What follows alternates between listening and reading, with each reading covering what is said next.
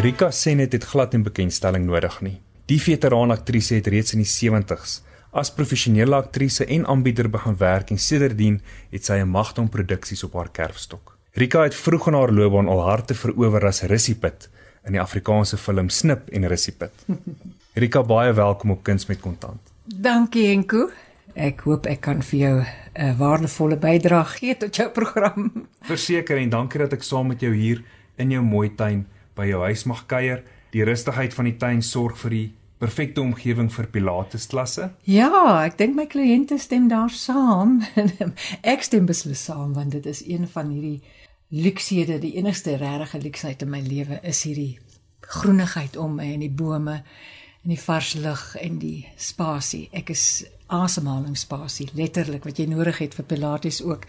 Dit hou my kalm in hierdie stad van ons en ek hoop vir my kliënte ook wat as ek die deure oopskuif, heerlike vars lug het en lekker kan oefen en fokus op hulle spiere. En ek neem aan hierdie klasse wat jy aanbied het jou inkomste stroom aangevul. Baie beslis, daardie is een van die redes in 'n wispelturige beroep dat 'n mens tog maar moet beplan aan ander moontlikhede vir vir die stiltye. En nie net hou dit my lekker fiks en gesond nie.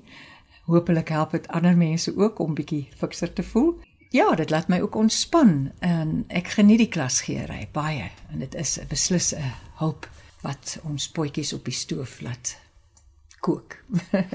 In die 80er jare het jy Goeiemôre Suid-Afrika aangebied. Mhm. Mm en ek kan my man net indink hoe vroeg jy in die oggende moes opstaan. Nie baie lekker gewees vir my nie, moet ek jou sê. het jy vroeg in jou lewe begin spaar?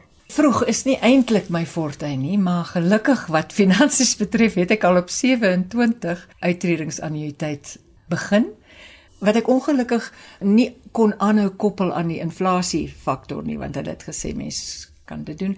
Ek moes dit stop sit, maar ek het nog steeds elke maand ietsie weggesit. En uiteindelik toe met die uitbetaling kon ek die woonstelletjie wat ons hier agter gebou het afbetaal wat ook vir ons inkomste gee. Jy weet mens maak maar al hierdie soort planne in ons beroep juis as jy twee kinders moes grootmaak. Toe kon ek dit daarom doen daarmee en ek kry so 'n paar druppeltjies in my emmer elke maand ook van hierdie spaar. So ek dink spaar is 'n belangrike iets. 'n Mens moet dit in gedagte hou, veral in 'n beroep wat nie juis pensioene het nie. Jy noem jou twee kinders en ek wil graag by jou uitvind oor toe jy 'n kind was. As dogtertjie het die balletstuk Coppelia 'n groot indruk op jou gemaak beslis. Ek dink dis waar die teater gof gogg aan my gebyt het.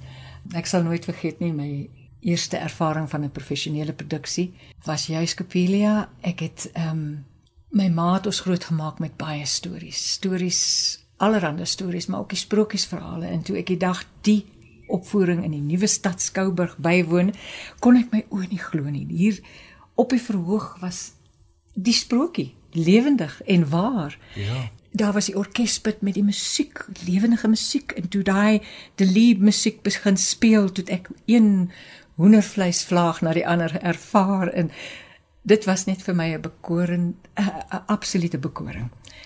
'n magiese spasie wat ek daar toe vir die eerste keer ervaar het en wat vir my die liefde vir teater gegee het en drama uiteindelik. Toe word jy 'n ballerina. Ek het my ballet gebruik professioneel in pantomimes en revues.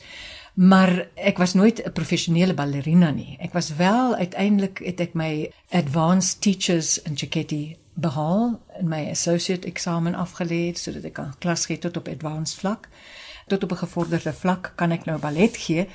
Maar alhoewel ek dit nooit gedoen nie, ek het dit op die ou end in pilates uitgeleef wat ook my balletspiere komplementeer. Die dissipline van enige klassieke opleiding, soos ballet of musiek of van enige instrument jou stem, sang gee vir jou en leer vir jou dissipline wat jy wel in ander beroepsmoontlikhede kan toepas. Jy weet in uh, dit help jou in teater, dit help jou in die dissipline van het, van verhoogwerk en van TV-werk, alles oral. So ja. En het dit bygedra tot dissipline in jou spaarsamigheid en jou begroting en jou be finansiële beplanning deur die loop van jou lewe? O oh, ja, ek dink beslis so. Ek het nog altyd versigtig gewees omdat ons nou nie baie het nie uh, om besittings was regtig nog nooit vir my belangrik nie en ek dink ook mense het nie so baie nodig nie. Klere, karre, al daai goeders. Um, nou en dan ja, bederf jouself 'n bietjie, maar vier wiele is vir my voldoende. Ek dink eh, om nie uit te gee wat jy nie kan bekostig nie, om versigtig te wees, jou sente om te draai, te kies wat is belangrik in die lewe. Jy was deel van baie eerstes in die televisiebedryf en as te ware deel van die baanbreker span in die begin daarvan televisie. In 1975 was jy die eerste vroulike aanbieder op plaaslike televisie. Ja, dit was met die toetsjare, met die 1975 tydens die toetsperiode was Hans stryd om die eerste man wat op daai kassie verskyn het voor die nasie. En die volgende week daarop volgend was dit was dit toe ek wat die aanbiedingswerk gedoen het. En omdat ek jonk was en in die begin van my loopbaan toe, is dit ook toe dat ek ehm um, basies deel was van televisie se begin in plaaslik nou in ons land. So dit is hoekom dit soveel eerstes was. Die eerste drama wat daar was rondte vir jou wat hy nie iemand die regisseur van was. Die eerste televisiereeks van Jan Skool Skeertyd 1130.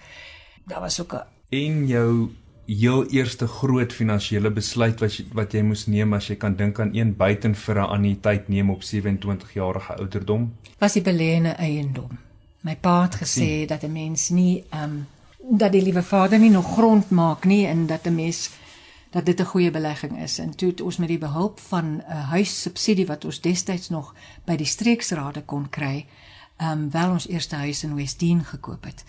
Ek en my man het dit saam gekoop en toe later kon ons die huis verkoop en 'n groter plekkie groter eiendom in elk geval die huis is maar dieselfde grootte in 'n lekker omgewing kon bekostig en dis waar ons nog steeds bly 34 jaar later. So die gesubsidieerde teater het definitief gehelp en van die grootste teaterproduksies waarin jy gespeel het en waarvoor jy bekend is is 12de nag en Koopman van Venesië.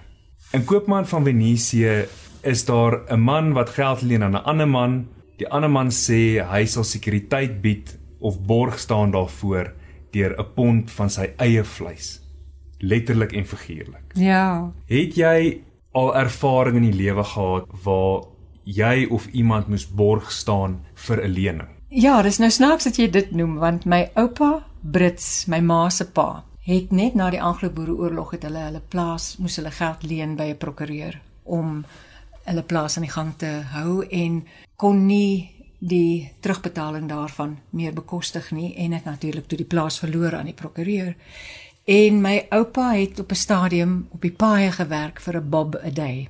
Mm. Toe later het hy uiteindelik 'n voorman kon wees vir die Wesselse in die Bloem, Bloemfontein distrik en toe hy genoeg geld gespaar het, het hy self 'n klein plaasie gekoop. Maar hy is maar redelik vroeg dood. Maar hy het besluit en besef na sy ondervinding met die eerste plaas dat hy het geweier om iets te koop as hy nie kontant daarvoor kon betaal nie geld sou hy nooit weer leen nie. Nou dis miskien nie noodwendig prakties in vandag se wêreld nie, maar ek dink daar so iets daarvan wat 'n mens kan ter harte neem en nie noodwendig koop wat jy nie kan bekostig nie of liewers te wag tot jy genoeg geld het om dit te kan bekostig. Want juis daai pond vleis waar die gesegde in vandaan kom, kan gebeur en dan vat hulle jou plaas weg. So Dit was in 'n mate my benadering ook dwarsdeur. Juis met ons boerdery, ons kunsboerdery ja. is nie een van daai beroepe wat jy kan bekostig om sommer net so te koop nie. Trap briek, maak jou planne, maak verstandige besluite. Koop wanneer dit regtig jy dit kan bekostig. En dan sal jy nie noodwendig in die moeilikheid beland nie en ek hoop ons bly ook uit die moeilikheid in die toekoms. Die oupa Brits wie se storie ons nou vertel het, ek en jy het vroeër gister gesels en sy vrou was 'n nooi kreer geweest. Dis reg. Ons is miskien selfs ver langs ons familie. Ons is dalk selfs ver langs familie Rita en ons het dit teruggetrek tot by die Anglo-Boereoorlog. En jy is baie bekend vir die vroue rolle wat jy vertolk in die Anglo-Boereoorlog temas. Mm. Jy het in die bekende TV-produksie van PG Du Plessis se Fees van die Ongenooides gespeel en in die uh, fliek Verraaiers in 2013 wat geïnspireer is deur die boek Boere verraaiers deur Albert Blyk. Mm, dis 'n ware verhaal.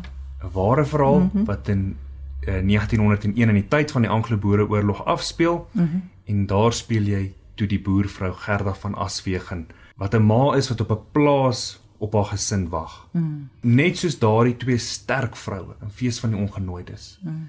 En verraaiers, hoe kry jy dit reg om soos hulle steeds met hoop na die lewe te kyk en staande te bly? Daardie pragtige standbeeld van Anton van Wouw by die vroue monument vat dit so pragtig vas. En ek dink die saad van hoop lê in die vrou. Sy gee lewe gebeur deur haar. Sy gee geboorte aan die lewe wat voortgaan. En dis wat daai beeld vir my simboliseer.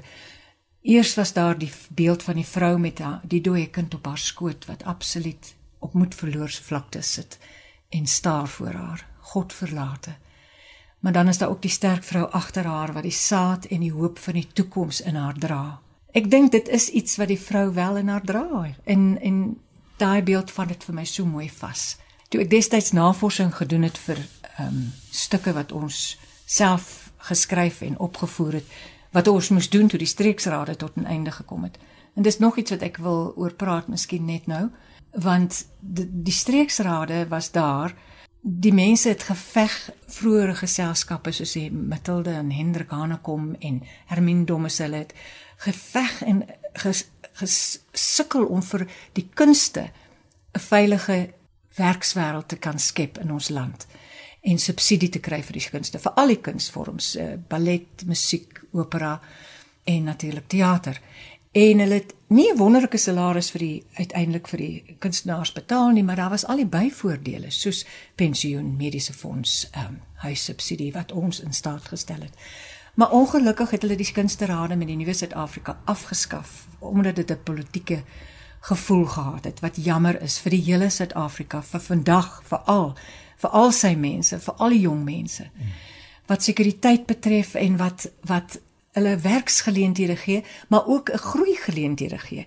Want daar leer jy jou kuns vervolmaak. Daar leer jy hou jy ouer spelers dop. Werk jy met een regisseur na die ander. Ehm um, leer jy van deur te oefen in een produksie na die ander. So jy skuur en skaaf aan jou vermoëns daar. So ja, ek is so hartseer dit is nie meer daar nie. Ek is ook hartseer dat daar nie tantimes betaal word in ons land nie. Ehm um, dit is iets wat werklik tekortskiet en gee en sou ons in staat gestel het om nie so paniekbevange oud te word nie of so afhanklik moet wees van die ehm um, teaterbystandsfonds vir al die mense wat nou juis baie swaar kry tydens Covid. Maar weer eens beplanning daar is ook ons verantwoordelikheid. Maar ek hoop tog dat daar 'n regverdiger bestel sal wees vir die kunstenaars van die toekoms. Daar dra ek daai hoop in ja. my soos daai vrou monument se vrou. Want ehm um, dit is nie regverdig op die oomblik nie. Oorsese geselskap mense kom hier films maak want hulle betaal ons en toneelgeselskappe kom musikale blyspele hier doen. Hulle betaal ons sekere kwart van wat hulle die mense aan die ander kant betaal. En daar's geen tantimes verantwoordelikheid nie. Hulle hoef nie royalties te betaal nie. So, dis 'n wonderlike plek om te kom films maak, maar dis nie regverdig nie. So daar's nou 'n klomp mondvolle wat ek vir jou gee wat ons kuns geldwêreld vir jou ehm um, illustreer. Die tantimes is een ding, die verlies aan ons streeksrade is 'n ander ding. En ek dink die kunste is so belangrik want dit voed die gees en die verstand van ons nasie. So ons moet dit nie agterweë los nie. Ons moet dit nie die vroue monument wat vir jou so 'n simbool is mm -hmm. van hoop en sterkte. Toe daardie monument onthul is, mm. sou Emily Hophouse 'n brief gelees het met die onthulling van daardie monument. Ja en jy het 'n in diepte studie van Emily Hobhouse gemaak destyds. Mm ter voorbereiding van die stuk tot die dood ons skei. Dis reg, ja. En ek wil graag vra omdat vroue die ruggraat van ons samelewing is en ongelukkig omdat oorloë en daardie oorlog maar altyd op die ou ende gaan oor geld. Dis reg. Of jy vir ons hierdie insetsel van kuns met kontant sal afsluit met 'n uittreksel uit daardie brief van Emily Hobhouse asseblief met plesier. Want dit is so versiende gewees destyds en dit is nog steeds versiende vir ons land heidaglik. Miskien moet ek net ter agtergrond gee hmm. dat sy sou die toespraak self gelewer het by die inhuldiging van die vroue monument. Maar haar gesondheid het ingegee. Sy het net gevorder tot by Beaufort Wes en toe kon sy nie verder nie. Dus die toespraak vooruitgestuur en iemand moes dit voorlees tydens die onthulling. En ek dink net dit het heel waarskynlik nie dieselfde trefkrag gehad nie, maar kom ja. ons luister nou na die trefkrag ja. vir vandag. Surely you're dead, hier gespel met 'n hoofletter. With the wisdom that is now theirs, know this. To harbor hate is fatal to your own self-development. It makes a flaw. For hatred, like rust, eats into the soul of a nation, as of an individual. As your tribute to the dead, bury unforgiveness and bitterness at the foot of this monument forever. Instead, for you can afford it, the rich who were greedy of more riches, the statesmen who could not guide affairs, the bad generalship that warred on weaklings and babes, Forgive, because so only can you rise to full nobility of character and a broad and noble national life. For what really matters is character.